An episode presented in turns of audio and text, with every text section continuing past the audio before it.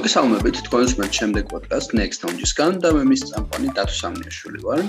დღეს საუბრობთ ისეთ საინტერესო თემაზე, როგორც არის რობოტიკა და ზოგადად აი ამ თემის გავრცობას შევეცდებით.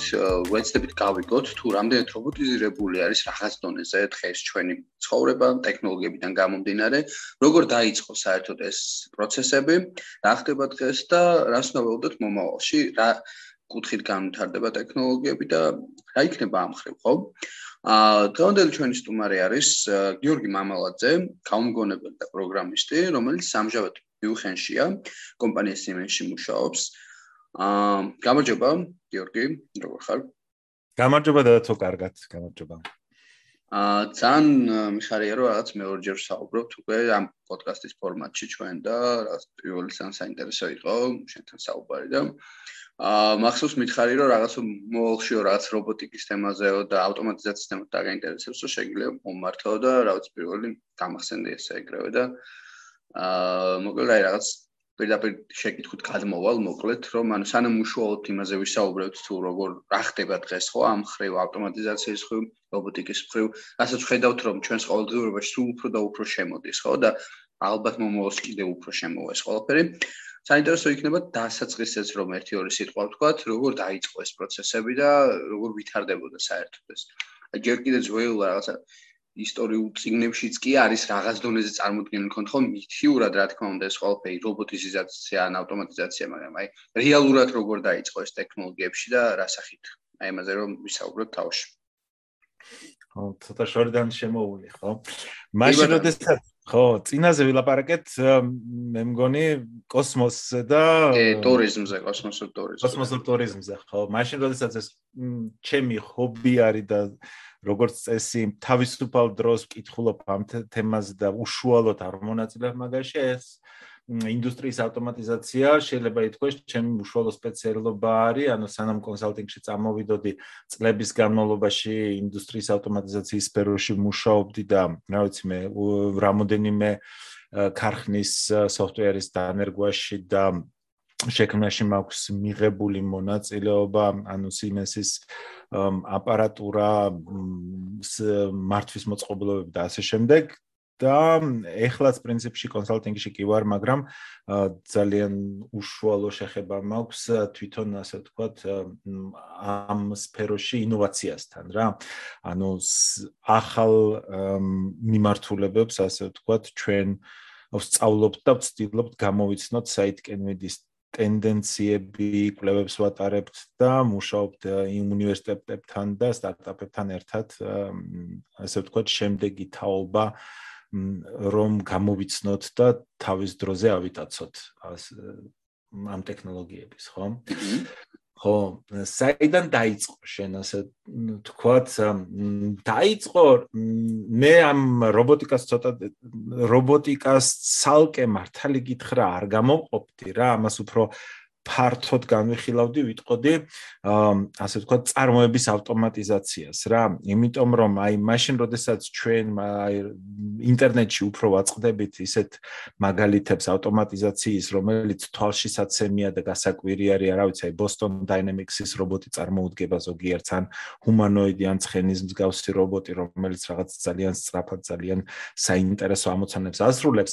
აა მართალი გითხრა, ეს არის ასე ვთქვათ, თანამედროვე რობოტიკის და მანქანათმშენებლობის აი მანქანებს რო შევადაროთ ფორმულა 1. ანუ ფორმულა 1 არის ძალიან სწრაფი, ძალიან საინტერესო მანქანა, ტექნიკურად ძალიან ინოვატიური, ურთულეს ტექნოლოგიებია, ძალიან ძვირი ღირს და სამაგიეროდ რბოლის გარდა არავინ არ იყენებს. და რა ვიცი მე 2 საათ პრაქტიკული გამოყენება არ აქვს. ღირს ძალიან ძვირი და არსებობს ერთეულ ეგზემპლარებში, ხო? აი ზუსტად ესევე არიან აი ეს თვალის მომჭრელი ჰუმანოიდი რობოტები, რომლებსაც ჩვენ ინტერნეტში ხშირად ვაწყდებით ხოლმე. აი ისევე როგორც მანქანების უმრავლესობა არის, რა ვიცი, ჩვეულებრივი სამხმარებლო მანქანები, საოჯახო მანქანები და გადამტვირთავი მანქანები, ზუსტად ესევე არის რობოტების და ზოგადად მანქანების უმრავლესობა, რომელიც დღესდღეობით გამოყენებაში არის, საკმაოდ პროზაული და არც ისე თვალის მომჭრელი რა. და ამ ტიპის მანქანებს წარმოების ავტომატიზაციის მანქანებს ეძახიან და ზედათ ქარხნებში გამოიყენება. და ჩემი ვარაუდი არის რომ დიდი ხნის განმავლობაში ჯერ კიდევ ესე დარჩება ეს ყველაფერი და ნუ ცოტათი სახეს იცვლის ცოტათი უფრო თანამედროვე გახდება მაგრამ სანამ Boston Dynamics რობოტები აწყობენ კომპიუტერებს ძალიან დიდი გზა გვაქვს გასავლელი და შეიძლება არც არასდროს მოხდეს ეგ ხო ამ ხო ამიტომ წარმოების ავტომატიზაციაზე ვილაპარაკოთ, მოდი დღეს, ხო? ანუ წარმოების ავტომატიზაცია არის რა, რომ ესე იგი მაქვს რაღაც საწარმო ქარხანა, ამ ქარხანაში დგას ერთი ან რამოდენიმე საწარმო ხაზი და ამ თითოეულ ხაზზე დგას სხვადასხვა სპეციალიზირებული მანქანა, რომელიც გამოიყენება ამა თუ იმ ნივთის დასამზადებლად. აი რო ავიღოთ მაგალითად ავტომობილის დამზადება, ხო? მაგალითად ერთი მანქანა პასუხისგებელია იმაზე, რომ რკინის ფურცლებიდან გამოჭრას ეს დეტალები, მაგალითად მანქანის კარი, მანქანის ძარა. აი ეს ეს გამოჭრილი ნაწილები მე საწარმო ხაზის საშუალებით გადაადგილდება შემდეგ სადგურზე და იმ შემდეგ სადგურზე მოხდება ამ ნაწილების ერთმანეთთან შედუღება. ეს არის მაგალითად შემადუღებელი სადგური და ეს არის შემადუღებელი მანქანა რა. შემდეგი ნაბიჯი არის თქვათ ამ ყველაფრის შეღებვა და იქ დგას შემღებავი მანქანა რომელიც აი ამ ერთ სპეციალიზებულ ამოცანას ასრულებს. და ეს მანქანები ხო საწარმო მანქანები არის გაერთიანებული ერთ საწარმო ხაზში. რამოდენიმე საწარმო ხაზი ხო აი მაგალითად ერთი საწარმო ხაზი ამზადებს მანქანის ძარას მეორე საწარმო ხაზი ამზადებს ძრავს მესამე საწარმო ხაზი თქვათ ამზადებს იმებს რა ქვია ბორბლებს ხო და ეს ყველაფერი ერთად ერთდება რამოდენიმე საწარმო ხაზის პროდუქტი და ეს სამი საწარმო ხაზი ან ოთხი საწარმო ხაზი წარმოადგენს ერთ ქარხანას რა. აი ესეთი არის პროზაული სახე ავტომატიზაციის და რობოტიკის დღესდღეობით, ხო? კი ბატონო.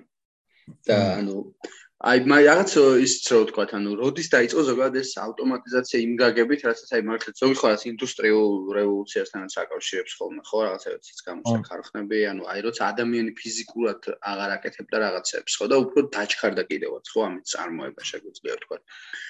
თუ აი ამაზე რაც თქვი. ხო ხო ხო, აი ეს იყო რეალურად ზოგი ამბობს რომ 4 ინდუსტრიული რევოლუცია იყო და ეხლა ვიყოფებით 4 ინდუსტრიულ რევოლუციაში. ნუ მე ნაწილობრივ ეთანხმები მაგას.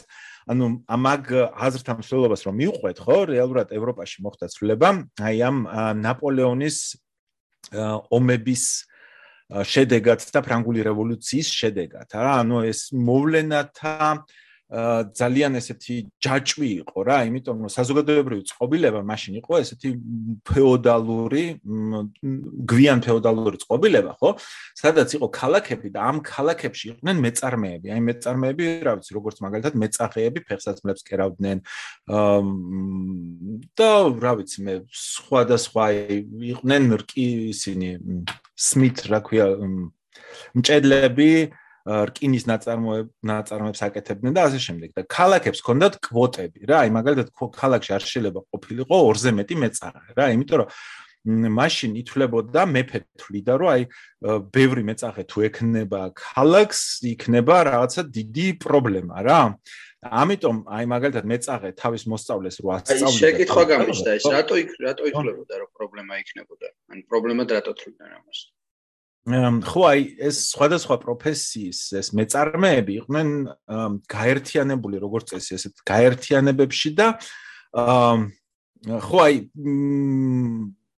ვერ გეტყვი მე ხა მაგის ეკონომიკური საფუძველი არ მესმის მაგრამ ნუ რაღაცნაირად ჯეროდათ რომ კონკურენცია ცუდი რამ არის რა მაშინ აი მაგალითად ხარისხი გაფუჭდება რა ვთქვა ერთ მეწახეზე მეტი თუ იქნება. ხო ეს ჯეროდათ ან ჯეროდათ აი ან ჯეროდათ რომ არ არის საჭირო შემოსავალი დაეცემა მაგალითად მეწახის და მაშინ მეწახე იძულებული იქნება რომ ცუდი პროდუქცია წარმოიქმნას. კონკურენციის ძალის არ ეჯერათ შეიძლება არ ხო მარჯეროდათ და შეიძლება უცდიათ კიდევაც და რაღაც ცუდი შედეგები გამო გამოუწევია მაგას მაგრამ რატომღაც ესე იყო? ადგილიც არ იყო ქალაქებში. იცი რა ერთ-ერთი მთავარი პრობლემა მე მგონი იყო ქალაქის შეზღუდულობა. ანუ იმის გამო რომ ომის წარმოება იყო ესეთი რომ რა ვიცი შემოსევები იყო ხო? ქალაქი იყო ხოლმე კედლით შემოზღუდული. რა მე მაგალითად ეგ მიუნხენის და ნიურნბერგის მაგალითზე ვიცი რა და ეყო კედელი და ეს კედელი გეოგრაფიულად ქალაქის ზრდას ზღუდავდა რა. ამიტომ ქალაქში მოსახლეობაც ვერ იზრდებოდა ისინი რა ქვია მეწარმეების რაოდენობაც ვერ იზრდებოდა აი ქალაქი ვერ იზრდებოდა იძულებული იყო ესეთი ლიმიტაციები შემოელო ხო? რომ საერთოდ იარსება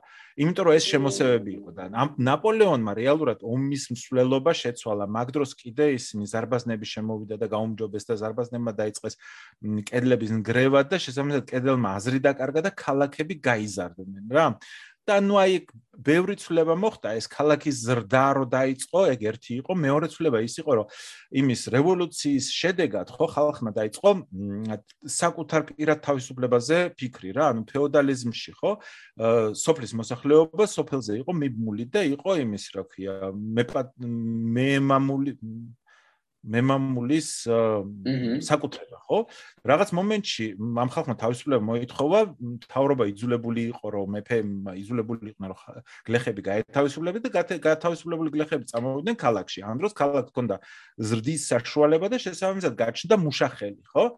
და აი ეს ეს საუკუნეების განმავლობაში ჩამოყალიბებული ესეთ ჩამყაყებული სტრუქტურებმა დაიწყეს ნგრევა და გაჩნდა პირველი საწარმოები, ანუ პირველი საწარმო იყო როგორ რო ერთ მეწაღეს, რომელიც მაშინ ადრე იყო ერთი, ყავდა ეხლა 6 დამხმარე და თავის სამუშაოს ასე ვთქვათ ანაწილებდა რა, მაგალითად ერთი ერთი დამხმარე იმას ტყავს აა ტყავს კეპნიდა, მეორე მაგალითად ჭრიდა, მესამე კერავდა, მეოთხე კიდე იმას ფსკერს უკეთებდა რა. შესაბამისად პირველი საწარმო ხაზები ეგრე წარმოიქმნა. ეგ იყო პირველი საწარმო ხაზები და მე იმ მე წამოვიდა ის steam steam engine არის ორთქლის აა ძრავი, ხო? ორთქლის ძრავმა კიდევ კიდევ უფრო ბუსტი შემოიღო ამაში ყველაფერი გაჩნდა ასე ვთქვათ ბევრი ძალა, ბევრი ენერგია უცებ, რომლის მანქანებში გამოყენება შეიძლებოდა და შეიქმნა პირველი მანქანები და იყო პირველი ინდუსტრიალიზაცია და ზუსტად ესეთი საწარმო პირველი საწარმო ხაზები პირველი ინდუსტრიალიზაციის დროს შეიქმნა, ხო? მეორე ინდუსტრიალიზაციას ამბობენ, რომ წამოვიდა მეორე ინდუსტრიული რევოლუცია, წამოვიდა, როდესაც ელექტროენერგია შემოიღეს, ხო? ანუ ელექტროენერგიის შემოღებამ ადრე როგორ იყო ესე იგი, აი მთელს ქარხანაში იდგა ერთი დიდი ორთქლის ძრავი და ეს ორთქლის ძრავი ამოძრავებდა ესეთ გრძელ ღერძს, რომელიც აი მთელს ქარხნის დარბაზში გადიოდა და ამ გრძელ ღერძს, რომელიც აი დიდი სიჩქარე ტრიალებდა, ხო, ღვედების საშუალებით ზედ კიდებდნენ სხვადასხვა მანქანებს, რა ვიცი, მაგალითად საჭრელ მანქანას, მაგალითად სალეს მანქანას, მაგალითად სახრეთ მანქანას, აი ყველა აი ამ გრძელ ღერძზე იყო ჩამოკიდებული და ესე ამუშავებდნენ საწარმო ხაზს, ხო და ელექტროენერგიის შემოღებამ, ხო, გახადა ამ საწარმო ხაზის ბევრად უფრო ბევრად უფრო განაწილების საშუალება მოგცეს, უფრო დიდი და განაწილებული, ანუ სივრცეში გაშლის საწარმოხაზები შეიქმნა, იმიტომ რომ თითოეულ მანქანას თავისი ძრავი ჰქონდა რა, ანუ ერთ დიდ ორთქლის ძრავაზე არ იყო ყველაფერი დამოკიდებული, პატარ-პატარა ელექტროძრავები ჰქონდა თითოეულ მანქანას და თითოეული მანქანა თავ-თავის ამოცანას აკეთებდა რა. ეგ იყო მეორე დიდი ბიძგი. და მესამე დიდი ბიძგი იყო, როდესაც ესე იგი ელექტრო ელექტრონიკა შემოვიდა რა, ანუ როდესაც უკვე პატარა კომპიუტერები, ანუ კონტროლერები შეიქმნა, რომლებსაც რომლებმაც შეძლეს ასე ვთქვათ მანქანების უფრო ჭკვიანური მართვა. მაგალითად შეიძლებოდა გამოსაჭრელი ფორმის საჭრელ მანქანაში ჩადება და უკვე ტყავს გამოჭრიდა ის მანქანა იმ ფორმაზე და იმ ზომაზე, რომლითაც დააპროგრამებდი, ხო? აი ესეთი მართვის მოწყობილობები რო შემოვიდა ელექტრონიკის საშუალებით, ეგ იყო მესამე რევოლუცია.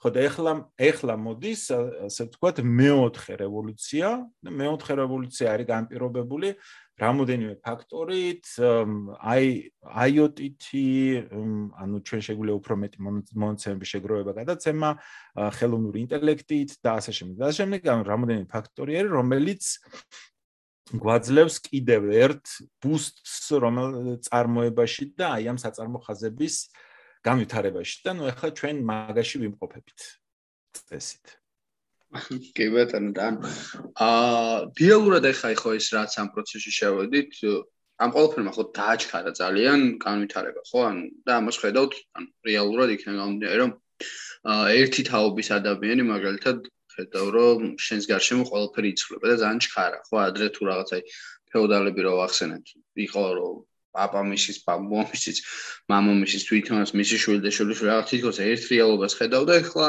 თვითონ ერთი თაობა იცვლის ამ ყველაფერს ხო და ხო შეგვიძლია ვთქვა რაღაც ზონეზე რომ ეს არის ზუსტად იმ ავტომატიზაციის დამსახურება ხო რეალურად და გინდაც რობოტიკის და ანუ ამ ხრივა რაღაც ნელ-ნელა აწმყოდან მომავალზე რომ გადავიდეთ ეს თემაც მინდა რომ გავშალოთ კარგად ანუ აი როგორ როგორ წარმოგიდგენიათ ამ ყოველფრის განვითარება რა ავტომატიზაციის და რანაირად შეიძლება განვითარდეს ეს ყოველფერი და ნუ რაღაც დონეზე შეგვიძლია არ ვიცი რობოტიკასაც შევეხოთ ალბათ ხო კი ანუ მე ხა მოვემზადე ჩვენი პოდკასტისთვის და 10 თემა მოვიწერე რა, რომელიც ჩვენთვის ასე ვთქვათ, როგორც კომპანიისთვის პრიორიტეტების სიაში დგას და რადარზეა რა, ანუ ჩვენ ვაკეთებთ ხოლმე ესეთ რადარებს, რაც ნიშნავს იმას, რომ რა ტექნოლოგია ჩვენი აზრით ასე ვთქვათ, რა ტექნოლოგიაზე ღირს მკვლევის კეთება რა ტექნოლოგიის დანერგვა ღირს საითკენ უნდა წავიდეთ და რა ხანდახან რაღაცები ჩნდება ამ რადარზე ქრება მაგრამ აი ბოლო რამოდენიმე წელია აი ეს 10 ტრენდი რომელიც მე ხა აქ მაქვს ჩამოთვლილი აა მოდის და მოდის რა და ძალას იკრებს და მოვა სავარაუდოდ უახლოეს 5-10 წელიწადში ჩემი აზრით. ხო ეს არ არის ასე ვთქვათ ფანტასტიკური ჰორიზონტი, მაგრამ სადღაც 5-10 წლის ფარგლებში შეიძლება მოველოდეთ ამას. რა ერთ შეკითხვას დაგესავთ უბრალოდ აი მანამ უშოთ მაგას თქო თან თქვენ საუბრობთ უშუალოდ Siemens-ის თვალსაჩინო ხო? ანუ როგორ რაზე გაკეთება აქცენტები, ხო? კი, კი, მე Siemens თვალსაჩინო, მაგრამ ნუ როგორ გითხრა ეს ემთხვევა? კი ბატონო, რა თქმა უნდა, ემთხვევა ზოგად იმასაც, კი. ზოგად ტრენდებსაც. რა, შეიძლება სხვა კომპანიებმა მაგალითად სხვა რამეებზე უფრო გააკეთონ აქცენტი თავის სპეციფიკიდან გამომდინარე, მაგრამ იმის გამო რომ მაგალითად Siemens აქვს წარმოების ავტომატიზაციაზე ასე ვთქვათ ფოკუსი, ეს 10 ტრენდი უფრო ალბათ აი ამ წარმოების ავტომატიზაციის სფეროს შეეხება რა. მაგალითად ნაკლებად შეეხება მაგალითად ავიაციას ან რა ვიცი მე სამხედრო ტექნიკას ან რაღაცებს ეგეთი. აი თქვენთვის მაგალითად ახლა რა არის ყველაზე უფრო ისე თვითონ Siemens-ში რა არის ყველაზე უფრო ისეთი რაზეც აკეთებენ აქცენტს მაგალითად თვითონ ტექნოლოგია, ტექნიკის და ტექნოლოგიის დონეზე რო ვთქვა აი რა. აი მოდი გავუყვეთ ამ 10 ტრენდს, იმიტომ რომ ესენი არის რა ერთმანეთზე ძალიან გადაბმული და გადა გადაჯაჭვულია და ერთმანეთზე აგებულია და აი მაგალითად ვერ იტყვი რომ აქედან რომელიღაცა ერთი არის უფრო მნიშვნელოვანი და მეორე არის ნაკლებად მნიშვნელოვანი, იმიტომ რომ ძალიან დიდი კავშირები ართ ამ ამ შორის. რა აი პირველ ტრენდს რომელსაც ვიტყოდი არის industrial IoT და big data reporting-ი. რა ანუ ეგ რას ნიშნავს რომ ჩვენ იმის გამო რომ სენსორები გახდა ძალიან პატარა ანუ თვითონ ელექტრონიკის ზომა შეიცვალა და ფასი დაეცა დღესდღეობით უკვე გვაქვს შესაძლებლობა რომ ძალიან ბევრი მონაცემი შევაგროვოთ მანქანებიდან რა აი მაგალითად ადრე მანქანიდან თუ მოდიოდა რა ვიცი ერთი ერთი სიგნალი რომელიც ამბობდა რომ ეს მანქანა ჩართულია თუ არ არის ჩართული და ეხლა შეიძლება შეგროვდეს რა ვიცი მე ასობით მონაცემი მის ასე ვთქვათ სხვადასხვა ტემპერატურები სხვადასხვა იმის რა ქვია მანქანის სხვა სხვა მდგომარეობები კამერა შეიძლება დაყენდეს ამ მანქანაზე ამ კამერის მონაცემი გადმოიცეს და ასე შემდეგ. ანუ თვითონ ან საწარმო მანქანები აი ჯერ ვთქვათ რომ საწარმო მანქანას თვითონ არ ცვლით არამედ მას უმატებთ სენსორებს და ამ სენსორებიდან უფრო მეტ მონაცემს ვაგროვებთ გადავცემთ და ვინახავთ ხო? ანუ ადრე მაგალითად სენსორი რომ რომც გქონოდა ხო?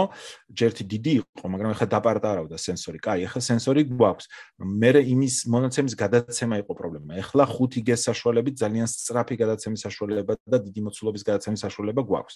ამას ემატება ის, რომ ისე რა ქვია, storage storage-ის ფასი შემცირდა და უკვე ტერაბაიტებით მონაცემების შეგროვება შეგვიძლია. ანუ შეგვიძლია ამ თითოეული მანქანიდან ბევრად უფრო მეტი მონაცემი შევაგროვოთ და ამ შეგროვებული მონაცემის საფუძველზე ბევრად უფრო ეფექტურად ვმართოთ ეს მანქანა, რაც მაგალითად ხარჯებს ამცირებს ძალიან და პლუს კიდე პერსონალის საჭიროების საჭიროებას სპობს ან ამცირებს. მაგალითად, ადრე იყო ყოველთვის ადამიანი, რომელიც მანქანის მდგომარეობას ამოწმებდა, ხო? ეხლა კიდე შეგვიძლია ეგრეთ წოდებული predictive maintenance-ის საშუალებით მანქანის მანქანის ამ აქტუალური მდგომარეობა კი არა, არამედ სავარაუდო პრობლემებიც კი წინასწარ დავადგინოთ და შესაბამისად მანქანის შეკეთება შეკეთება ვაწარმოოთ, რომ ისე რომ მაგალითად მანქანა არ გაფუჭდეს. შესაბამისად ეს პერსონალი, რომელიც ამ მანქანას ზედამხედველობას აკეთებდა, უყურებდა ზეთის რაოდენობას, ამოწმებდა ზეთსას ხავდა და რა ვიცი, ესეთ რაღაცებს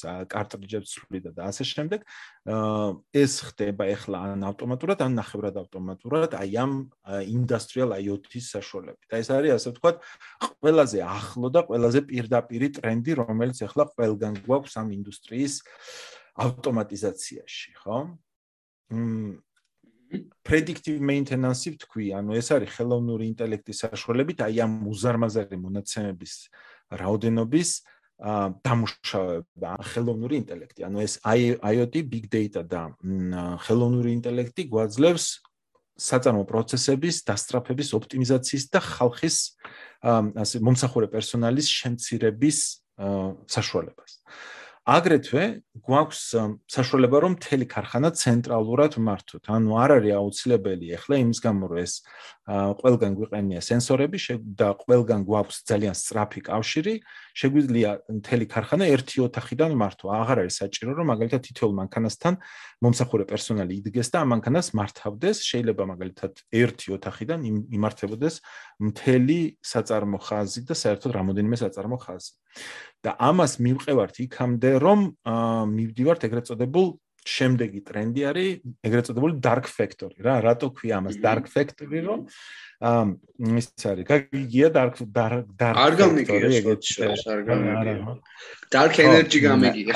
ბნელი ენერგია ხო dark energy ეს სხვა რაღაცა ანუ ეს dark factory არის ეგეთი რაღაცა რომ ანუ თუ მაგალითად როგორც წესი საწარმო დარბაზებში ხო აი ბევრში ყოფილვარ რა არის ხოლმე ძალიან კაშკაშა განათება რა. ანუ თითქმის დღის სინათლე არის იმიტომ რომ მუშები რაც უფრო კარგად ხედავენ მით უფრო კარგად მუშაობენ ხო? ანუ ბჟუტავი შუქი არ უნდა იყოს ანუ ისეთივე განათება როგორც რა ვიცი მე სტადიონზე ხო?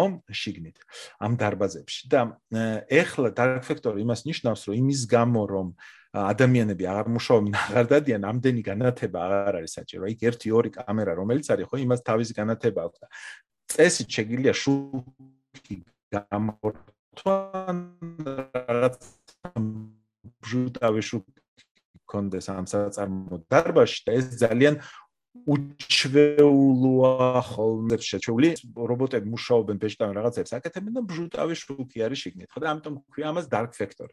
ხო და ამ dark factory-ს ჭირდება ძალიან ცოტა პერსონალი რომელიც შეკეტილი არის სადღაც მეოთხე სართულზე წყნარად ძალიან კომფორტულ სკამებში შედან კომპიუტერებთან თვალყურს ადევნებენ თელ ამ საწარმო პროცესს. აი ამას ქვია dark factory. და ამ dark factor-მა factory-მ გამოიწვია შემდეგი ტრენდი კიდე რომელიც არის ეს საკმაოდ ახალი ტრენდი, რომელიც არის ეგრეთ წოდებული on-shoring-ი ან re-shoring-ი. რას ნიშნავს იმას, რომ აი ადრე იყო off-shoring-ი ძალიან პოპულარული, ანუ მთელი ქარხნები გახქონდათ აი ტაივანში, ჩინეთში და ასე შემდეგ, რატომ? იმიტომ რომ სამუშა ხელი იყო იაფი. იაფი. ხო?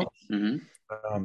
და ეხლა თუ გაქვს ხო ეხლა ამან ყველაფერმა გამოიწვია ის რომ მთელი წარმოება გადავიდა ჩინეთში აა ტაივანში, მაგალითად ჩიპების წარმოება გადავიდა ტაივანში და კოვიდის შედეგად გვაქვს supply chain პრობლემები. ანუ პროდუქცია ვერ მოდის, ვერ მოდის ჩვენთან, იმიტომ რომ ძალიან გრძელი ტრანსპორტირების გზა აქვს. ამის გარდა რაღაც პოლიტიკური პრობლემები ჩაერთო. აი ეს მაგალითად ეს ომი, ჩინეთთან პოლიტიკური დაძაბულობა, რა ვიცი, ჩინეთი შეიძლება ტაივანს თავს დაესხმას და მაშინ ჩიპებზე რაშვებით და დასავლეთის ქვეყნებში დაიწყო აქტიური რეშორინგი. ანუ ისევ უკან შემოაქვთ ქარხნები და ცდილობენ სუპერთანამედროვე ქარხნები, აი ამ dark factory-ის პრინციპით ააშენონ ისევ ევროპაში და ამერიკაში. ხო, რატო? იმიტომ რომ მომსახურე პერსონალი თითქმის აღარ გვჭირდება, ანუ ცოტა გვჭირდება და იმის პლუსი რომ ეს მაგალითად ჩინეთში ვაწარმოო და მე იქიდან ისევ შემოვათრიო უკან ხო არ მიყეს ამიტომ აღარც გადასახადე არ არის ხელფასები ხო ბევრი შრომელისთვის სიტყვაზე ამ ზუსტად ზუსტად ზუსტად ხო. და ამის შედეგად შემოაქვთ ეს ეს ბიზნესები იცი ნუ დღესდღეობით შემოაქვთ ძალიან მაღალ ტექნოლოგიურები ან security relevant-ურები მაგალითად რა ვიცი იარაღის წარმოება და ეგეთი რაღაცეები ავტომობილები მაგალითად იმაში რა ქვია გერმანიაში იხსნება ახლა Intel-ის ჩიპების ქარხანა ეს 4 4 და 2 ნანომეტრიანი ჩიპებით რა ანუ ძალიან ძალიან სუპერ თანამედროვე ჩიპების ქარხანა იხსნება. რატო ის ის თავიდან ბოლომდე dark factory იქნება? ანუ აზრი არ აქვს ახლა იმის offshoring-ს ჩინეთში ან იგივე ტაივანში, იმიტომ რომ ქარხანაში ალბათ სულ რაღაც რა ვიცი მე 100 კაცი იმუშავებს და ათასობით მშრომელი აღარ გჭირდება უკვე, ხო? ანუ რეალურად მივდივართ იქიდან არ ქარხნებს არ შეეხება, რომ ნეუნელას სრულად ავტომატიზირებული ხდება. ეს ქარხნები და არის მაგის პერსპექტივა რომ საერთოდაც ავტომატიზირებული იყოს აი როგორც მანქანებზე ვამბობთ ხოლმე რომ თვითმავალი ავტომობილის თვალზე რომელსაც თუ დარეგულირდება გზები და რაღაცეები ხო იქნება ავტომატიზირებული შეიძლება ითქვას ქარხნების შემთხვევაში სწორედ რაღაც იქნება კი, აბსოლუტურად, ან დღესდღეობით უკვე არსებობს ქარხნები, რომლებიც, რა ვიცი, 90%-ით ავტომატიზებული არის, ლოგისტიკის ჩათვლით, ანუ ძალიან ცოტა სტეპი არის, რომელიც მანუალურად კეთდება რა. ხო, რაც რაც პრინციპში ერთი მხრივ იმას ნიშნავს, რომ მუშების სამუშაო ადგილები იკარგება, მაგრამ მეორე მხრივ იმის გამო, რომ ეს მუშების სამუშაო ადგილები ისედაც დაკარგული იყო, წარმოება იყო მაგალითად ჩინეთში და წარმოება უკან რო შემოდის, პრინციპში მაგითი არაფერი არ იცვლება, მაგრამ დაკარგული მუშახელი სხვაგან სხვა ადგილზე კომპენსირდება რა. HMI, ანუ human machine interface რა, ანუ ნებისმიერი მოწყობილობა რა, ტელევიზორის დისტანციურიდან დაწყებული ტელევიზორის დისტანციურიდან დაწყებული რაღაცა ურთულესი მართვის მოწყობილობით დამთავრებული და აი რა ვიცი მე მიმეებში ომის დროს აჩვენებენ ბაირაქტარების მართვის სისტემებს ან რა ვიცი მე იგივე ჯაველინის გასროლისას რომ უნდა გაიხედო და და იმ ტანკს დაუმიზნო. ხო ეს არის ყველაფერი HMI human machine interface ანუ მანქანასა და ადამიანს შორის ურთიერთქმედების სისტემა რა. რომლებიც სულ უფრო რთული და საინტერესო ხდება რა. ვიცი აი მაგალითად ჯაველინის გასროლის პროცედურა არის როგორი რომ შენ ასე ვთქვათ ირჩევ ღილაკით ირჩევ ზუმს მე იქ რო დაინახავ მაგალითად მოწყობილობა ტანკს იმას დაუმიზნებ და როგორც კი ლოქდი არის გაძლევს ვიბრაციას ლოყაზე რომ ლოქტია, იმიტომ რომ ხმასაც გამოსცემს, მაგრამ ხმა შეიძლება ვერ გაიგო ისეთი ხმაური იყოს, ხო? ვიბრაციას გაძლევს ლოყაზე და შეუნდა გაუშვა, ხო? და ეგ არის human machine interface, ანუ თვითონ გეუბნება რომ მისროლეო, მოკლედ, ხო, იდეალური მასში ვარო. ხო, ხო, ხო. ანუ მთელი ეს პროცედურა, ხო, არის HMI human machine interface, ხო? ანუ ჩვენ ნებისმიერ მანქანის მართვისას, ხო? ჩვენ სარგებლობთ human machine interface. ანუ ჩვენ რო ვატარებთ ავტომობილს, ხო? საჭე და პედლები და სიჩქარის გადასართველი არის ჩვენი human machine interface. ხო? და ეს human machine interface-ები, ხო? ხდება სულ უფრო რთული რატომ? აი როგორც მე ვთქვი ამ dark factory-ის ფარგლებში ხო? ფაქტიურად 10 კაცი ზის ერთ ოთახში და მართავს მთელ ქარხანას ხო? ანუ ამ 10 კაცს რამხელა მოცულობის მონაცემები შემოსდის და რამდენად რამდენად სწრაფად და ეფექტურად უნდა მოახდინონ ამ მონაცემებზე რეაგირება ხო? ისე არ არის რომ ადრე ერთ კაც ერთი მანქანა ებარა რა. ხლა 10 კაც აბარია 1000 მანქანა შესაბამისად საჭირო არის sophisticated, ანუ საკმაოდ რთული human machine interface-ები და მან შემოდის ასე ვთქვათ, ეგრეთ წოდებული SCADA სისტემებით, სადაც რა ვიცი, მე მთელი დარბაზი არის ეკრანებით გავსებული, მაქიდან დაწყებული AR, augmented reality, virtual reality და voice assisted სისტემები. ანუ შენ შეიძლება augmented reality არის, როდესაც შენ სათვალეში იხედები რეალობას უყურებ, მაგრამ დამატებითი რეალობა, ხო, იგივე შედი. ხო, ხო, დამატებითი ინფორმაცია ედება ამ რეალობას. აი მაგალითად, შენ მიდიხარ რაღაც მანქანას პრობლემა აქვს, შენ უყურებ ამ მანქანას, ხო? და ხედავ მაგალითად ამ მანქანის შიგნით რა ტემპერატურა არის, ხო? მაგალითად, რომელი დეტალი არის სავარაუდოდ გაფუჭებული და ის წითლად ანათებს. რა, ეს არის augmented reality. ხო? ედება რეალობას ედება დამატებითი გამოსახულება.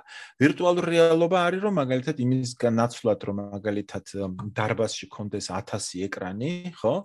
და 1000 ღილაკი გაქვს ვირტუალური რეალობის სათვალე სამგანზომილებიანი, სადაც რეალობაში მოძრო, ვირტუალურ რეალობაში მოძრაობ და მაგალითად შეგიძლია ამა თუ იმ მანქანის მდგომარეობა ნახო, პრობლემა დაადგინო, მოაგვარო, რაღაც პროცესები მართო და ასე შემდეგ, ხო? და voice ეგ არის voice assistant სისტემები, ანუ ხმის ამოცნობა იმდენად კარგად მუშაობს, რომ უკვე მაგალითად მანქანების მართვა შეიძლება გადავიდე გადადის ნაწილობრივ უკვე voice assistant სისტემებზე. და ნუ აი რა ვიცი, ჯარვისი რო იყო. Iron Man-ის რაღაც მსგავსი სიტუაციები ჩითავს უკვე რო ელაპარაკები ამას, ხო და ის რო ანუ რაც ანუ რეალურად ეს უკვე რაღაც ინტერაქცია ტექნოლოგიასთან, ხო, რაღაც დონეზე, ანუ. კი, კი. ეს არის human machine interface, ხო. იგივე, მაგალითად, chatbot-ები რო არსებობს, ხო, chatbot-ს კლასიკური გაგებით არის, რომ წერ მას და ესაუბრები რა, მე რაღაც დონეზე მქონდა მაგასთან შეხება, სტარტაპი მქონდა საქართველოში და chatbot-ებზე მუშაობდით, მაგრამ ეს უკვე არის ხმოვანი ანუ chatbot-ისგან მაგით განსხვავდება. თუმცა აი რამდენად შეგვიძლია რომ თქვა, რომ აი chatbot-იც რაღაც დონეზე voice-ი არა, მაგრამ ანუ მიმოწერის დონეზე ხო რეალურად ეგეც ავტომატიზირებული ხდება. მაგალითად სოციალურ ქსელებში web page-ს უნდა მიწერო და რაღაც კითხო კომპანიის იმას მაგალითად შეგიძლია chatbot-ი გამოიყენო ამისთვის ხო? ბანკები იყენებენ ძალიან აქტიურად იგივე მაგას ოდესაც ავტომატურად გთავაზობს რაღაც სერვისებს შემოთავაზებს და უფრო სწრაფია და თანასწორია ა პროგრამა რომელსაც ერთდროულად უამრავ ადამიანს შეუძლია ესაუბროს და ანუ აი რაღაც შეგვიძლია რომ ესეც რაღაც დონეზე დავაკავშიროთ ამ ავტომატიზაციასთან და ერთ-ერთ მნიშვნელოვან პოინტად უბრალოდ ჩეკითხვა გამიჩნდა. კი, დააკავშირებული არის, მაგრამ ერთი პრინციპული განსხვავება არის, ამ მაგალითად წარმოების ავტომატიზაციის chatbot-ებსა და სოციალურ chatbot-ებს შორის, ხო? სოციალური chatbot-ი არის იმაზე აწყობილი, რომ აა ესე იგი, უამრავი წინასწარ უცნობი ინტერაქცია აქვს სხვადასხვა მომხმარებელთან, ხო?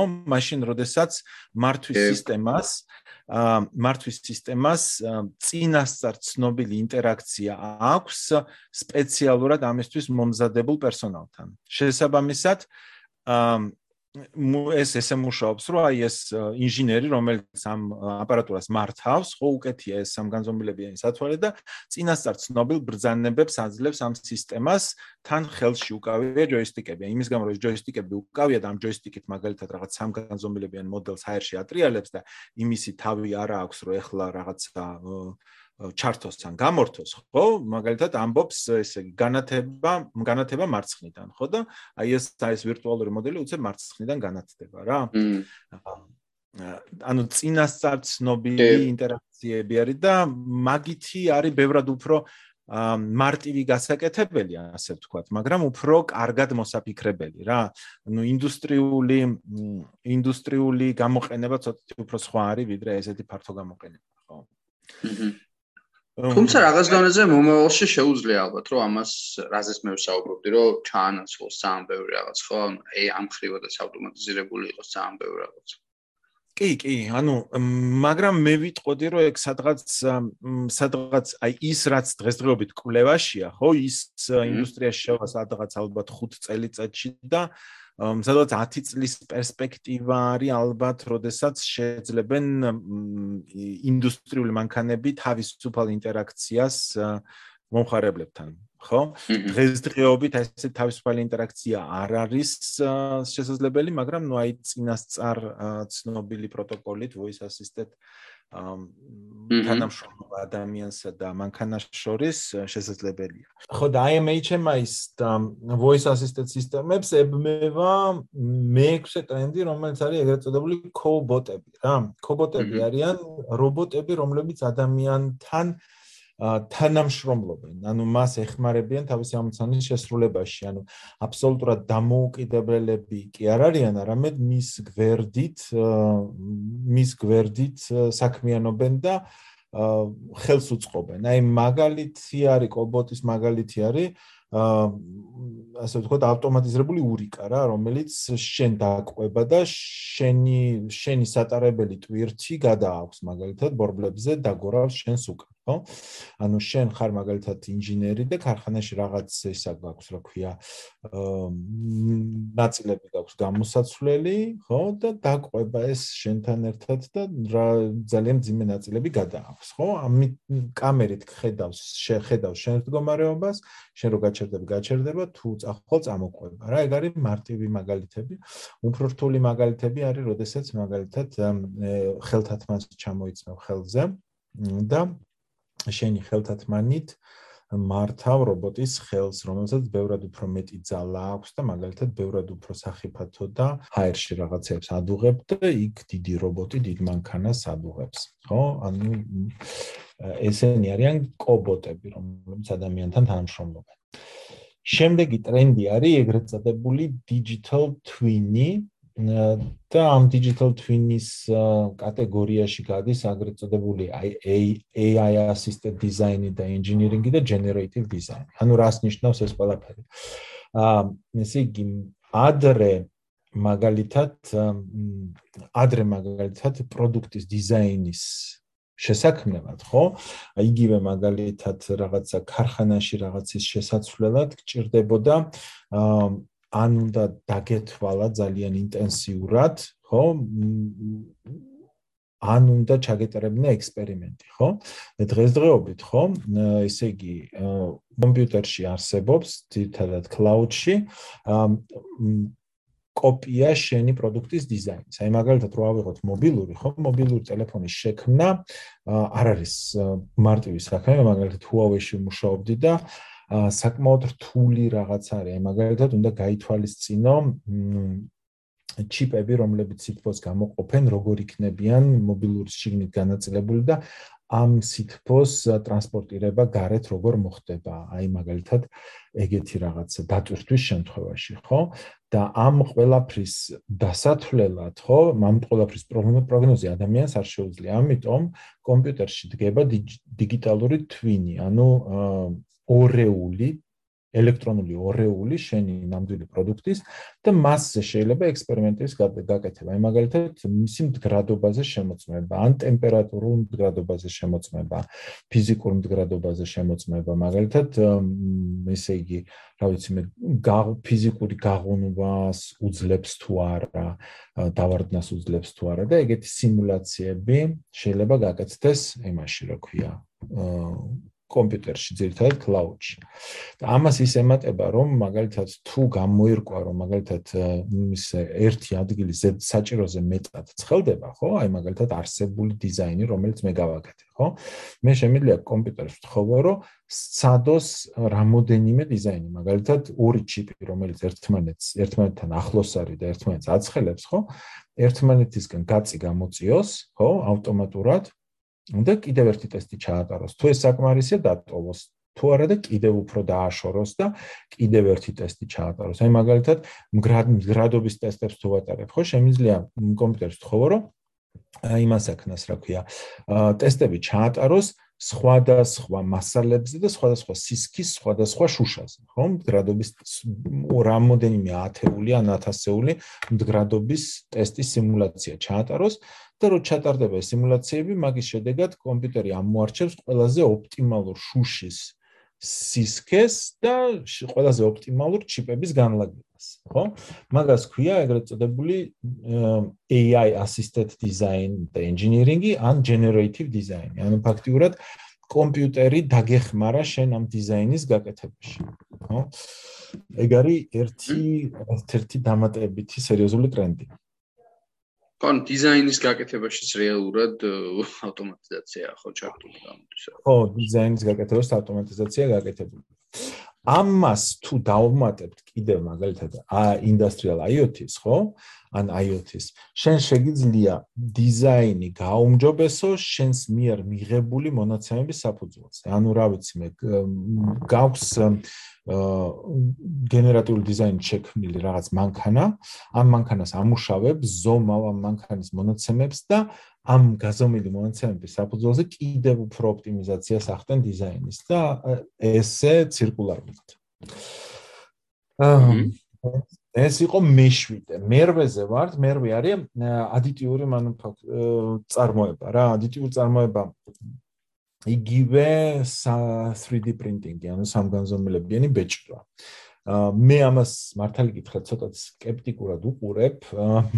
პირადი ო, იმიტომ რომ რავი, რა თითქმის ყველაფერს მართლა უკვე 3D 3D პრინტინგს იყენებენ და ხო, აი რა არის სამსახურში გვაქვს ინდუსტრიული 3D, ანუ ჯერჯერობით მე წარმოებაში რამოდენიმე ადგილას მაქვს მარტო ნანახი და გეტყვი რა ადგილებში მაქვს ნანახი, მაგრამ სამ სამსახურში გვიდგას ექსპერიმენტული, ასე ვთქვათ, ექსპერიმენტების ჩასატარებლად და სახში ჩემ ბიჭს უყიდე ერთი, რომელიც ასე ვთქვათ, თავის თავად პროექტად გადაიქცა, იმიტომ რომ რაღაცები დაუმატეთ, რაღაცები გავაფართოეთ, რაღაცები შევცვალეთ და ასე შემდეგ, ანუ დროის იმას რა ქვია დროის 50%-ს ჩვენი სახლის 3D პრინტერი ატარებს მოდიფიკაციის და მეინტენენსის რეჟიმში, ხო? და დანარჩენი დრო ბეჭდავს, მაგრამ აი რო ბეჭდავს, ხო? ყოველთვის რაღაც პრობლემებია, ყოველთვის რაღაც ექსპერიმენტების კეთება გვიწევს და ასე შემდეგ. ანუ სერიული წარმოებისთვის პროტოტიპების შესაქმნელად არის იდეალური რაღაცა. მაგრამ სერიული წარმოებისთვის არის ზედმეტად ნელი ძვირი და ყოველთვის ჭირდება ზედამხედველობა. რა ადამიანის ზედამხედველობის გარეშე არ ხერხდება. ანუ კამერაც კი გვიყენია რომ აი მაგალითად გრძელ პრინტებს რო უშვებთ ხოლმე ხო რომ სახლიდან მივდივართ რომ ვნახოთ შორიდან რა მდგომარეობაშია და თუ კარგად მიმდინარეობს ბეჭდვა თუ არა და თუ არა და უნდა შეწყვიტო ბეჭდო. ანუ ჯე მე პირადად მაგიტომ ვარ скеპტიკური, რომ რეალურად ქარხნებში მინახია, მაგრამ მინახია მარტო პროტოტიპების და ექსპერიმენტების შესაქმნელად გამოყენება და აი სერიულ წარმოებაში მართალი გითხრა არ მინახია. ერთადერთი შემთხვევა არის, როდესაც ეს 3D პრინტერები სერიულ წარმოებაში გამოიყენებენ, ეს არის თვითონ აა თვითონ ამ 3D პრინტერების ქარხანაში ჩეხეთში პრუჟაში რა. ანუ პრუჟა არის ეგეთი კაცია რეალურად თვითონ შექმნა ეს ფირმა და ევროპაში ერთ-ერთ ყველაზე კარგ 3D პრინტერებს აწარმოებს. და ნუ თვითონვე თავისივე 3D პრინტერების ნაწილებს 3D პრინტერების საშუალებით აწარმოებს ზოგიერთ ნაწილს ისიც ყოველას არა ხო მაგრამ იმედი არის რომ ეს ადიტიური წარმოება, ანუ იგივე 3D printing-ი უფრო ფართოდ შევა ინდუსტრიაში და რაღაც შედეგებს მივიღებთ რა მანდაც.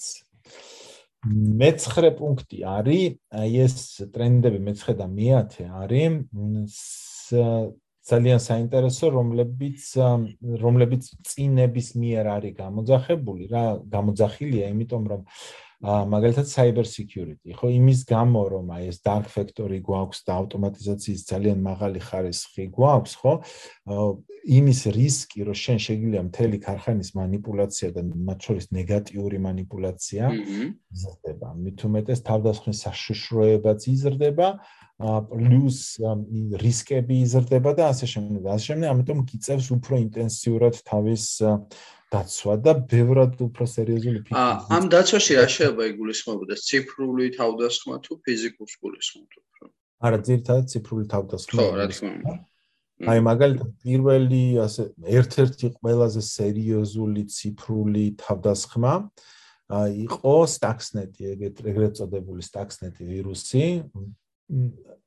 ესე იგი, ისრაელის და შეერთებული შტატების სადაზვერვო სამსახურებმა ეს ვირუსი შემოიშეიმუშავეს და ეს იყო ინდუსტრიული ვირუსი, რომელიც ემართებოდა software-ს, software-დან გადადიოდა ეს მართვის სისტემაზე, მართვის სისტემიდან გადადიო ხო და მართვის სისტემა მე ესე იგი ამოწმებდა რაღაცა პარამეტრების მიხედვით რა ქარხანაში მუშაობს და თუ ადგენდა რომ ეს ის ქარხანაა რომელსაც უნდა შეუტიოს მაშინ შესაბამის შეტევას აწარმოებდა და ეს რა შეტევა იყო? ანუ კონკრეტულად ქონდათ ირანში იყო ურანის გადამამუშავებელი ქარხანა. და ამ ურანის გადამამუშავებელი ქარხანაში იყენა სიმენსის აპარატურა რომელიც და სიმენსის ავტომატიზაციის მოწყობილობები ხო და შესაბამისად ამ Stuxnet-ის ვირუსმა დაავადა ჯერ ჩვენი მართ მართ ისინი რა ქვია ჩვენი software-ი, engineering software-ი, engineering software-მა დამართა ეს იმის რა ქვია ავტომატიზაციის software-ს, მართვის სისტემას.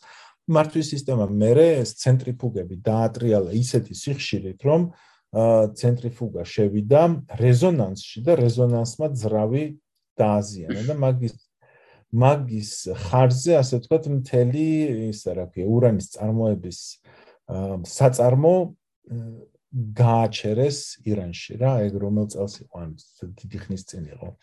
ეგ იყო პირველი ინდუსტრიული ვირუსი. შესაბამისად აი ესეთი ტიპის კიბერ შეტევების საშუალო ის არა საშუალება ძალიან დიდი არის რა. ანუ რო software-მა software-ი software-მა მე მანქანა დაგიზიანოს და მანქანამ კიდე მე ისეთ საშინელი ზარალი მოგაყენოს რომ საერთოდ ფეხზე ვერ ადგე ხო?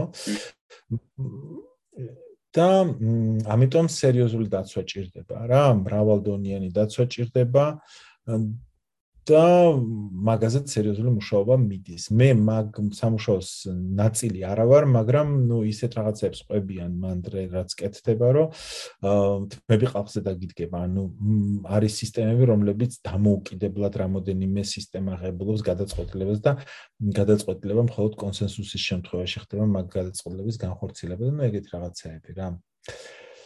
და მეათე ტრენდი არის sustainability, ანუ მდგრადი განვითარება და ბუნების დაცვა და ასე შემდეგ. რაც მარტო იმაში არ მდგომარეობს, რომ რა ვიცი მე ის არა ქვე მავნე ნივთიერებები არ გამოყო გარემოში, ხო? ეგ რა თქმა უნდა თავისთავად. არამედ თვითონ პროდუქტების და მანქანების დამზადების დროს ვითვალისწინებ იმას, რომ ეს მანქანა რაღაც მომენტში შეწყვეტს მუშაობას და გადასაგდები გახდება და იმის გამო რომ ეს მანქანა არ გადავაგდო, არამედ ხელახლა გამოვიყენო ან შევაკეთო და ასე შემდეგ წინასწარვე უნდა ჩავდო გარკვეული რაღაცეები დიზაინში იმისთვის რომ ეს მანქანა რისაიკლება გახდეს ან შეკეთებადი გახდეს ხო? რაც დღესდღეობით საკმაოდ საკმაოდ რთულია იმ მაგალითად ელექტრონიკა ისე არის დამზადებული რომ იმის შეკეთება თითქმის შეუძლებელია და უფრო იაფი არის გადააგდო და ახალი იყიდო ვიდრე ელექტრონიკა შეაკეთო და მაგის შედეგად ძალიან ბევრი რესურსი იხარჯება და დაკვეთა მომავალი თაობების დაკვეთა ტრენდი ის არის რომ მანქანები იყოს ხელახლა გამოყენებადი. ხო, ეს არის რეალურად რაც პირდაპირ მშობლი ძალიან საჭიროა, ხო, ანუ რომ მაგის garaშე დღეს უკვე გვაქვს სამ გლობალურ დათბობასთან და იგივე სკავს პრობლემებთან, ხო, ანუ შეგვიძლია. აბსოლუტურად. გლობალურ დათბობას რო თავი დავანებო, თვითონ მასალების მასალები თავდება, რესურსები გვითარდება, გვითარდება, ხო. ხო, რა ვიცი, აბა აი მე მგონი ამ 10 ტრენდით დავფარე ძირითადად ის რადარი, რომელიც ჰორიზონტზე ჩანს, ასე ვთქვათ, რა და ის რაც ჰორიზონტზე არ ჩანს, ის უფრო უცებ გამოხდება. ხო, გამოხდება. ან ნელ-ნელა მიახლოვდებით ორივე ვარიანტი გვაქვს. კი ბატონო. აა მე უბრალოდ ხა ემოზე რო საუბრობთ რეალურად ფაქტიურად ყველა სფეროს რაღაც დონეზე უკვე ფარავს. ხო თავიდანაც თქვი და თქვენს რეალურად ხა ამას საუბრობთ ეს ავტომატიზაცია და ну ეს ხო ჩვენს ხოლმე იმ ბადაღებულ პრობლემას და ზოგადად აი ესე ძალიან ხშირად არის ხოლმე საუბარი რომ ადამიანები კარგავენ სამუშაოებს თუმცა ამის პარალელურად ვიცით რომ სამუშაოები რო ქრება რაღაც ახალი სამუშაოები ჩნდება ისევ ტექნოლოგიებიდან გავიგნეთ და ხეს ძალიან დიდი პროცენტი დასაქმებულები სწორედ ახალ ტექნოლოგიებთან არიან დაკავშირებული. მაგრამ მაინც მგონია რომ ამ თემას უნდა შევეხოთ რაღაც დონეზე, იმიტომ რომ შესაძლოა საუბარი ავტომატიზაციაზე, შესაბამისად სმენელს გაუჩნდება შეკითხვა, რომ თუ ყველაფერი ავტომატიზირებული ხდება, ადამიანმა რა უნდა გააკეთოს, დაუშვათ შემოქმედებითობის გარდა, თუმცა ნუ ამას კიდევ თავი დავანებოთ, შეიძლება ვიღაცამ თქვას, რომ რაღაც დონეზე შემოქმედებითობაში შეიძლება ჩაანაცვლოს ავტომატიზაციამ, აი მაგალითად დიზაინზე იყო საუბარი ერთ-ერთი რაც გამახსენდა და ნუ თუ დიზაინის შემუშავებასაც შეძლებს თქო და პროგრამა ან რაღაცა, ანუ მაშინ აი რამდენიც ახიფათოა მოკლედ აი ეს პროცესი? თუ აი როგორ უყურებთ რა თქვენ ამას რა ხო ანუ ჩემი ხედვა ამაზე საკმაოდ მარტივი არის ანუ ინდუსტრიალიზაციის ყველა ეტაპზე იყო იმის შიში რომ ადამიანი აღარ გაგრძელებოდა საჭირო არა არა და ხდებოდა ის რომ ადამიანი პირიქით უფრო საჭირო ხდებოდა ოღონდ კვალიფიციური ადამიანი უფრო საჭირო ხდებოდა. რა ვიცი მე როდესაც მოხდა ინდუსტრიალიზაცია და მეწაღეები აღარ გჭირდებოდა, გჭირდებოდა ეს მანქანების მანქანათმშენებლები და მშენებლები რა. როდესაც მაგალითად მანქანათმშენებლები ნაკლებად გჭირდებოდა, დაგჭირდა ელექტრონიკ ისა რა ქვია, ელექტრონიკის ინჟინრები რა. მერე დაგჭირდა ისინი პროგრამისტები. აი ახლა მაგალითად არის პროგრამისტების ძალიან სერიოზული დეფიციტი, ხო? და მე მგონი ეს ტრენდი გაგრძელდება და დაგჭირდება აი ამ რაც მე ტრენდები ჩამო ჩამოთვალე ხო? თითოეული მაგის განსახორციელებლად საჭირო არის უამრავი ინჟინერი და უამრავი პროგრამისტი. რა ანუ იმდენი კოდი არის დასაწერი ამ ყველა ფერმა რო წესიერად იმუშაოს ხო? რომ რა ვიცი მე მგონი უახლოესი 10-20 წელი დასაქმების პრობლემა ადამიანს არ გაუჩნდება, კაცობრიობას არ გაუჩნდება, უბრალოდ თითოეულ ადამიანს მოეთხოვება უფრო მეტი კვალიფიკაციის მოპოვება და ახალი პროფესიების სწავლა, რა რა თქმა უნდა. ძველი კვალიფიკაციები ძნელი იქნება. მაგრამ აი გლობალური უსაქმურობა კაცობრიობას ჯერჯერობით, რა ვიცი, 10-20 წელი არ გვემუქრება, მე მგონი. აი, ახლა რო ვთქვა, რომ ეს 10-20 წელი სად ამის მერე რა ვქნათ, აი, როდესაც მაგ მანქანა ინტელექტით დაეწევა ადამიანს, ხო? აა რო გინდას არ დაეწიოს, მაგრამ მოხდეს სრული ავტომატიზაცია. აი ეს რაღაცა ამას რო აი ამ სინგულარულ რაღაც ერთ პირობითად როგორ როგორ აღვიქვავთ, რომ აი მოხდეს სრული ავტომატიზაცია. არ გააჩნია მას იმ კლასიკური გაგებით sci-fi-ში როგორც არის ცნობიერი ამ მანქანებს გასაგებია დარჩა ისევ იმ ეტაპზე ცნობილი ზოგადად რა არის კიდე არც ვიცით მაგრამ ნუ დაუშვათ რაღაც ეტაპი მაგრამ აი ავტომატიზაცია მოახდინა სრული რა ანუ ყველაფერში ჩაგვანა სულ ამ გაგებით. აი აქ რა შეიძლება მოხდეს? აი ხშირად ფიქრობ ხოლმე მე და მე ცოტა ამაზე ვფიქრობ ცოტა ზამ ფანტაზიებში გავიჭრები ხოლმე და თქვენ როგორ ფიქრობთ ნუ ახლა მე არის ჯგუფი ადამიანების რომლებსაც ისა აა ტრანსჰუმანიზმის, ანუ რისიჯერად, ახლა გეტყვი, რომ აი მე მეხუთე პუნქტი ჩემთან იყო HMI, Human Machine Interface და მე ვთქვი, რომ Human Machine Interface-ის განვითარება შემდეგ ეტაპზე გადის. ანუ მაგალითად დღესდღეობით Human Machine Interface-ი თუ არის, რომ მე მაქვს ეკრანი და ღილაკები, ხო? მანქანის სამართავად რა. აა შემდეგი ნაბიჯი არის, რომ მე მანქანას ვირტუალური სათვალით, იმეებით, რა ქვია, ხელებით და ხელებში ჯოისტიკებით და იმით, რა ქვია, ხმით ვმართავ, ოკეი? ოკეი.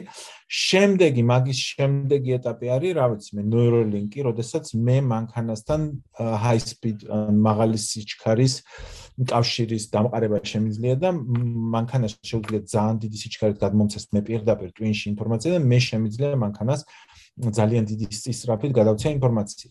როდესაც ანუ ანუ კომპიუტერის განვითარება ისე არ მოხდება, რომ მაგალითად კომპიუტერს ექნება სულ ექნება და ეს კლავიატურა და ეკრანი და უცებ კომპიუტერი გახდება სუპერ ჭკვიანი და ჩვენ ჩვენსა და კომპიუტერს შორის ინტერფეისი დარჩება ესე იგი კლავიატურა და ეკრანი ესე არ იქნება რა. ანუ HMI human machine interface კლავიატურა და ეკრანიდან გადავა VR სივრცეში, ვირტუალური რეალობის სივრცეში და ხმით მართვის სისტემაში და მაგ სივრციდან გადავა პირდაპირ ნეირონალურ სივრცეში. ეხლა მაქვს მე ნეირონალური კავშირი კომპიუტერთან.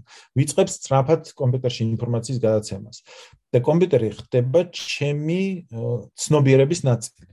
ხო, ფაქტიურად მე როგორც ადამიანი ხდები საიბორგი და ვინტეგრირდები კომპიუტერთან და ჩემი ცნობიერების ნაწილი, ჩემი გონების ნაწილი არის კომპიუტერი და კომპიუტერი ვარ მე. ანუ ფაქტიურად ადამიანსა და კომპიუტერს შორის ზღვარი ხრება, ისე დავჩები კაცობრიობად, უბრალოდ ჩვენი შვილი შვილი შვილები, ან შვილთა შვილები უკვე იქნებიან შერწყმული მანქანებთან და ნუ ის ცივილიზაცია მე თავისი გზით გამithარდება, რომელიც ჩვენთვის დღესდღეობით ჩვენ ჩვენთვის დღესდღეობით არაცხადია და შეიძლება წარმოდგენაც გვიჭირს რა მემართულებით განვითარდება. ცივილიზაცია, მაგრამ მე იმის თქმა მინდა რომ აი ეს რო რა ვიცი მე კაცობრიობა ამოწყდება და ვაიმე მანქანები დაგჩაგრავენ ჩვენზე ჭკვიანები იქნებიან და სამშობლოს წარგვართვენ და ჩვენ შიმშილი გამოვიხოცებით ხო?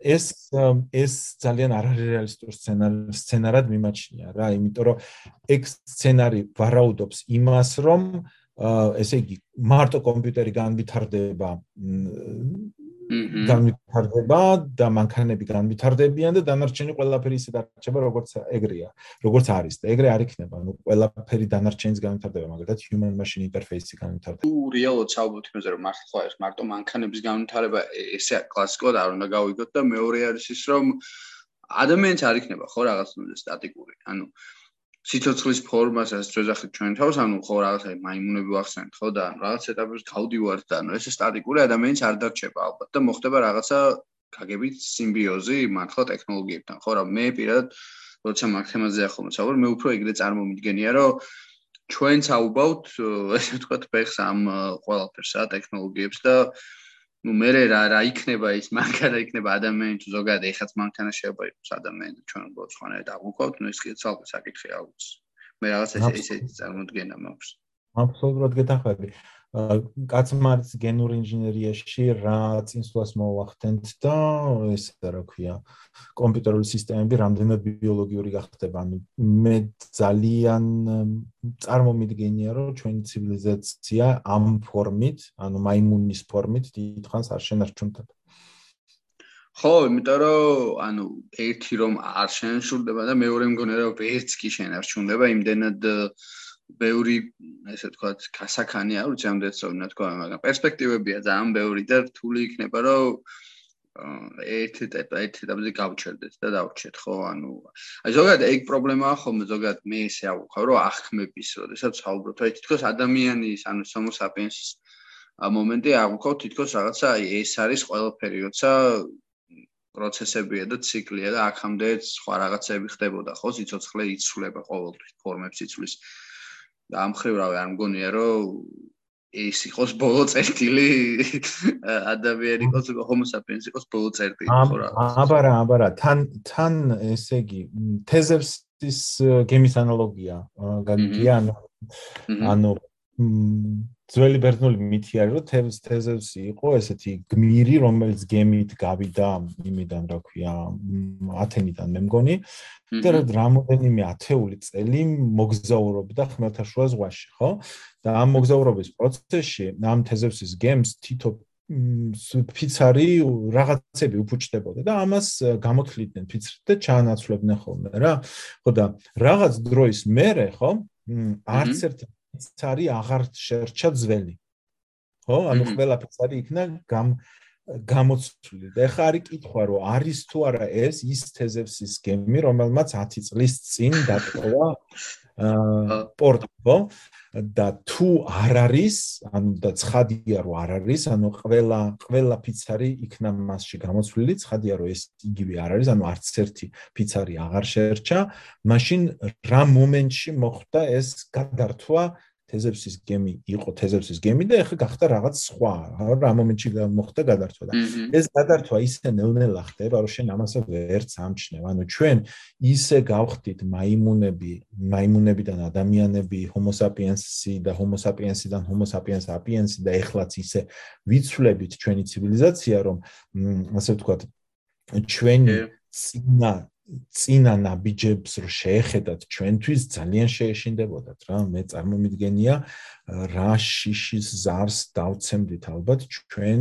ჩვენს იმას რო ქვია მონადირეთ შემგროვებელ წინაპარს ხო? აა ისეთივე ხო. კი კი ალბათ ისეთ ისევე შეგვეშინდება ჩვენ აი იმ არსების რომელიც გველოდება ჩვენ სადღაც 50-100 წელიწადში ხო? ისევე როგორც მაგალითად მონადირეს შეეშინებოდა შეეშინდებოდა ჩვენი. ხო ანუ ეგ არის ნამდვილად და აი რეალურად რომ შევხედოთ მაგას მარტო მიწათ მოქმედებამდე ხო ეს მონადირებამდე მონადირების მომენტი რა ავიღოთ სიტყვაზე გინდათ სულ ცოტა ხნის წინ რამდენიმე საუკუნის წინაც ადამიანის აღქმის დონეზეც კი რომ შემოხედოთ ეს რას ვაკეთებ რამდენად ვარ დამოკიდებული ტექნოლოგიებზე და რაღაც დონეზე ეს პროცესი მე მგონია უკვე დაწყებულია უკვე ნეხალია ანუ ეს რაღაცა სიმბიოზა დაკავშირება ტექნოლოგიების და ბიოლოგიური სიცოცხლის ერთმანეთთან ხო? რო რა ვიცი უკვე გაოცდებოდნენ კი არა და ალბათ ვერ წარმოიდგენენ თუ რას ვაკეთებ საერთოდ ხო? ანუ რაღაც ერთი წერტილი და მეორე წერტილი რო საუბრობ სიტყვაზე, ეხა ჩვენც როგორ საუბრობთ, ხო? რაღაცა. ძალიან დიდი დაშორებაა ჩვენ შორის საკმაოდ დიდი და ამისთვის ყველაზე ძლიერ მეფესაც კი მაშინდელს, რა ვიცი, ცხენიან კაცს უნდა მოეხმო და ის უნდა წასულიყო და მთელი დღეები უნდა ეარა თვეები და წელი ჩაეტანა და ხო და ალბათ შიშის მომგრუელი იქნებოდა იმ მეფისთვის და იმ მსტოვრისთვის რომ გაეგო რომ ესე ჩვენ შეგვიძლია საერთოდ ყოველგვარი შეფერხების garaშე ერთმანეთს სურათი და ხმა გადავცეთ, ხო? კი ბატონო, და ნუ რეალურად რაც გვაჩქარებს და გვაძლიერებს ამ გაგებით არის ალბათ ინფორმაციის სწრაფად გავრცელების და გაცვლის საშუალება, ანუ აი აა ნორ ჰარარი ამბობს ერთ-ერთ თავის იმაში გამოსვლაში, რომ თუ ანუ სიტყვაზე როგორ შეიძლება მომავალი ესე იგი რელიგიები კლასიკური გაგებით არა ვიყო რა თქმა უნდა ჩანაცვლოსა და ნუ მომავლის ბჭყალებში რელიგია არისო დატა რა ანუ მონაცემები და მონაცემები ანუ ვისაც აქვს მეტი მონაცემები ის ახდენს ესე ვთქვათ ამას აქვს ძალაუფლება რა ორი სიტყვით რო ვთქვათ ანუ მონაცემები შესაბამისად რაღაც დონეზე ადამიანებიც მონაცემები ვხვდებით არ ვიცი ამდენად სწორს ვამბობ ამ გაგებით მაგრამ გულისხმობ იმას რომ ეს ავტომატიზაცია შემდეგ წარმოჭრის ისეთ საკითხს როგორც არის მაგალითად მე თუ ვიცი ხო სიტყვაზე ამ ადამიანს რა მოწონს ასე ასე შემდეგ აი რას ალგორითმები აკეთებენ რაღაც ზონეზე ხო აი სოციალური ქსელის ალგორითმები ხო ანუ შეუძლია პირდაპირ ამოგიგდოს და შემოგთავაზოს ისეთი კონტენტი რაც შენ გაინტერესებს. და ამას აკეთებს იმიდან გამომდინარე რომ აკვირდება ხო შენს აქტივობებს და მე გთავაზობს სიტყვაზე თუ მოგწონს Facebook-ში და Barcelona-ს ბალიშიკობ Newsfeed-ში Facebook-ზე პირობითად უფრო ხშირად შევეგიგდებდეს Barcelona-ს კლუბის ფოტოებს და ასე შემდეგ ხო და ну ეს კიდე ცალკე საკითხია რამდენად მაგას მიშვება და რამდენად არ ქმნის მე რაღაც კიდე ახლად. მაგალითად შეიძლება მე ვიყო ანტივაქსერული ეჭვები მქონდეს პირობითა და ერთი ორი რაღაცა დავსერჩო.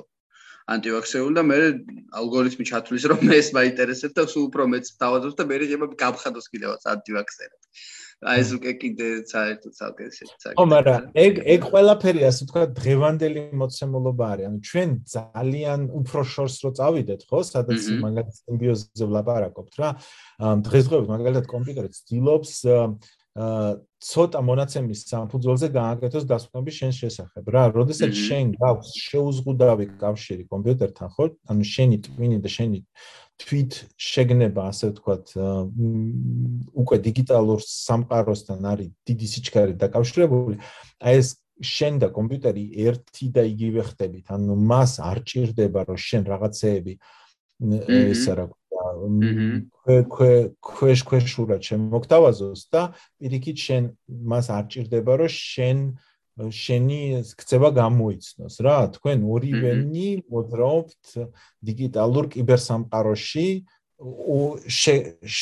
ორივე თვით შეგნება იქ იმყოფება და საერთოდ ზღვარი შენსა და კომპიუტერს შორის იშლება ხო? შენ შეიძლება საერთოდ შენი ფიზიკური სხეულიც კი დათმო და უარი თქვა შენს ფიზიკურ სხეულზე და მთელი შენი თვით შეგნება ნელ-ნელა გადაიყვანა კომპიუტერში. მე არ წარმომიდგენი არის არ წარმომიდგენია როგორ გამოიყურება ის ცივილიზაცია რა, რომელიც ჩვენ წინ გველოდება, მაგრამ დარწმუნებული ვარ, რომ ის ის ძალიან შოკის მომგვრელი იქნება ჩვენთვის რა, რომელიც დღეს ძალიან რთული წარმოსადგენია ჩვენთვის, ხო?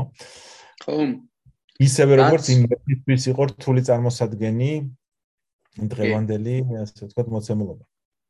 ხო, რაც უნდა ფუტურისტულად უყურებდეთ ამ ყველაფერს რეალურად მართლა იქ მომენტია, რომ ის რაც იქნება ალბათ კიდე შორეულ მომავალში რაღაც დონეზე ალბათ მართლა ის იქნება ჩვენთვის. როგორც მინიმუმ შოკის მომგვრელი და სხვა მხრივ კიდე არ ვიცი. აა ამაზე ხო, აი გაუგებარი უფრო ალბათ, ხო, იმიტომ რომ შეიძლება ადამიანი მსად იყო კონკრეტული ინდივიდი ამ და პირიქით გინდოდეს რომ უფრო მეტი ნახოს. ახლა მაგ აი რაღაც დონეში შეიძლება გაუგებარი იყოს ხო? აი ეხლა უხეშად რომ წარმოვიდგინოთ რაღაცა შუა საუკუნეებში ადამიანი რომელიც ძალიან ხშირად ფიქრობდა მომავალზე მას რაღაც სიზმრებს ნახულობდა. აი მაგალითად ჯორდანო ბრუნო ავიღოთ რომელიც სიზმრად ნახულობდა სიზმარში ნახევა ასე ამბობდა რომ იქო პლანეტებიაო რა მოკლედ სიზმარში ავედიო ცაშიო და იქო პლანეტები და სიცოცხლეებიაო რა ანუ ფაქტიურად ის თქვა რომ ცივილიზაციებიაო რა უსასრულო კოსმოსში და ეხლა ჯორდანო ბრუნო რომელიც ესეთი ადამიანი იყო და მისი ფანტაზია ესე შორს მიდიოდა, ეხა უცებ აქ რო ჩააგდოდა, ხო? ალბათ შოქში ჩავარდება, ხო? ალბათ გაუკვირდება როგორც ვიდეო, რას აკეთებენ ესეთ საერთოდ რა. ვერც გაიგებს რაღაცებს, ვერ აი ეგ არის ზუსტად რომ ვერ გაიგებს და აი ეგ ეგ მომენტია ალბათ, რომ ეხა ჩვენ რაც გინდა ვილაპარაკოთ რაღაც დონეზე, ანუ რამდენიმე საუკუნის მერე რომ ამოგვაყოფინა უცებ, და ალბათ ვერც გავიგებთ დაახლოებით რა ხდება ხო და აი ამ ხრივ შეგვიძლია ალბათ ნეუნელად დასასრულისკენ წავიდეთ მაგრამ აი როგორ აი არ ვიცი ესე შეკითხვა ხა ამას პასუხს უბრალოდ ვერ გექნება რა თქმა უნდა მაგრამ აი როგორ წარმოგიდგენიათ რამდენად შორს არის ესეთი რეალობა რასაც ეხლა საუბრობთ რომ აი სადაც ზღვარი იშლება კომპიუტერსა და ადამიანს შორის და ვიღებთ რაღაც სიმბიოზს ან კიდეც არსებობს რომელიც ორივე ერთად არის ან შეიძლება სულაც აა რობოტები ან კლასიკური გაგებთის ავტომატიზაცია უფრო ბიოლოგიური იმისკენ გადმოვიდეს. ამ პიკი ბიოლოგიური სიცოცხლე გავიდეს უფრო რაღაცა ავტომატიზაციისკენ იმ გაგებით და აი თქვენ როგორ წამედით რამდენად შორეული ან ახლო მომავალი შეიძლება იყოს ეს და ვაფშე თუ არის შესაძლებელი აი ჩვენი თაობა მაგალითად რაღაც დონეზე მიახლოებით მაინც მოესწროს ამას. აა მე ჩემი აი ის 10 პუნქტი რომელიც მე ჩამოთვალე რომელიც რადარზეა და რომელიც ჰორიზონტზე უკვე ჩანს იმისთვის ვიტყოდი 5-10 წელი არის საჭირო რა აა დღე რეალურად ამისი განხორციელების დანერგვის სიჩქარეებიც იმატებს და საერთოდ ყველაფერი სწრაფდება. მაგის გათვალისწინებით ამ პროგნოზები არის რომ აი ის რაღაც წარმოუდგენელი მომავალი შეიძლება 50 წელიწადში დადგეს. შესაბამისად შეიძლება ჩვენს უკვე მოვესწროთ მაგის დასაწყისს რა.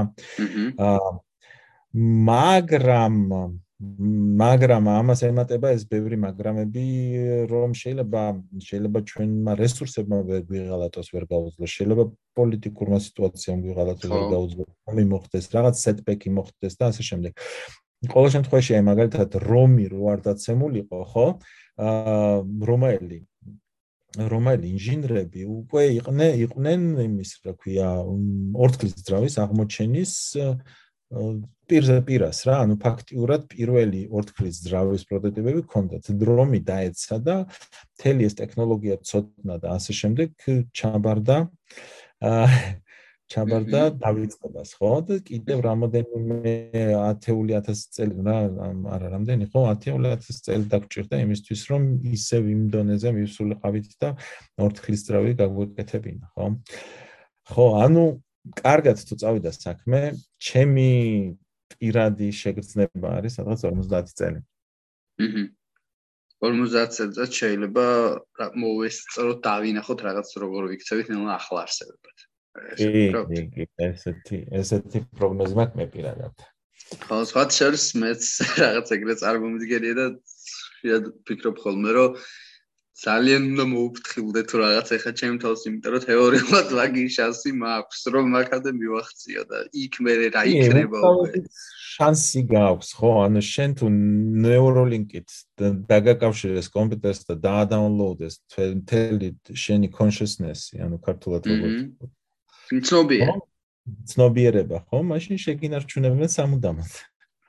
ხო, აი, ეგეთი რაღაცები რეალურად ერთ შეხედვით საერთოდ შორს არის, იმიტომ რომ საერთოდ რაზე ვლაპარაკობთ, ხო, იქ გვერდით სიტყვაზე ვიღაცა ქალაქების ბომბაუს და რაღაც, მაგრამ ამის პარალელურად ესეთი პერსპექტივები რო არიან, თან აა ეს არის რა, პარადოქსულია თქო ალბათ თვითონ ეს ყველაფერი. ერთმანეთის გამომრიცხველია თან, მაგრამ თან ეს პერსპექტივები ჩანს და ძალიან აი, კაცობრიობის, კაცობრიობის თვისებაა ეს, რა ვიცი, როდესაც ბაბილონელები ბაბილონის კორს აშენებდნენ და ხამურაბის კოდექსს წერდნენ, სხვები კაცი ჭამიობდნენ რა, ანუ ეს ეს ძალიან დამახასიათებელია კაცობრიობისთვის, სადღაც რა ვიცი მე. უბრალოდ აი გაირო, ან მაშინ სიტყვაზე არ იყო ეს რაღაცა იმ იმ კაცჭამეთ არ ქონდა რაღაც ატომური შეიარაღება, რაც ეხლა ამ ხრივ ძალიან ის არის საშიშია რა და აი კაცჭამია ატომური იარაღი ჩაუხდო ხელში უცებ პროცესში.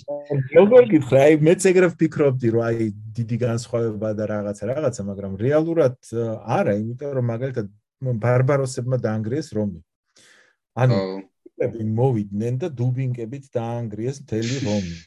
ხო? და ნაჯახები და იმათ ქონდათ აკვედუქტები და სახლებში ქონდათ გათბობები და აბაზანები და რაღაცები. ეს მთელი ტექნოლოგია იმ ბარბაროსებმა რომლებმაც და დაიპყრეს რომი ეს მთელი ტექნოლოგია ვერ ამუშავეს, ანუ აზრზე არ იყვნენ ეს როგორ მუშაობს და რაღაც და ხო არ ვიცი რა იმედი ვიქონიათ რომ ეს ბარბაროსები ეხა კონკრეტული ერთი ბარბაროსი ა ვე ვე მიაღწევს წარმატებას იმიტომ რომ დასაკარგი დრო ძალიან ცოტა გვაქვს ყოველ შემთხვევაში ეგოისტურად რომ ვთქვათ არ ვიცი მომავალში კაცობრიობა რამდენად დაუგრუნდება მე ისევ რაღაც ხსებს მაგრამ ჩვენ რა ვიცი ჩვენ თაობა კარგი იქნება თუ უფრო მეც მოესწრება და რა ვიცი რესურსების ნაკლებად წავა იქ საერთოდ რა ვიცი, უფრო განადგურება მოაქვს ხო, რაღაცა, რაღაც იმას ვეცნობოდი ახლა, რომ 800 მილიარდია დაახლოებით აშშ შეიარაღებაში ბიუჯეტი და 52 მილიარდი არის NASA-ს. რა, NASA-ს ზოგადად კოსმოსის ათვისების მხრივ და ძალიან დიდი განსხვავებაა ხო ეს და ნუ ეს ესეთი ესეთ რეალობაში ვცხოვრობთ. ხა ეს რესურსები რომ მიდებოდეს სიტყვაზე იმაში ასე ვილაპარაკეთ, უფრო ბევრად წინ წავიდოდით ხო ამ მხრივ რა დაჩქარდებოდა ეს პროცესი. ნუ ძალიან საწყენია ეს. კი, კი. კარგი, გავემშვიდობოთ მაშინ ერთმანეთს. კი, ბატონო და ძალიან დიდი მადლობა, მოკლედ ძალიან საინტერესო საუბრისთვის და ძალიან კარგი იყო და საუბარი და რა, მსმენელსაც მადლობა რომ მოგვიწვია და კიდევაც.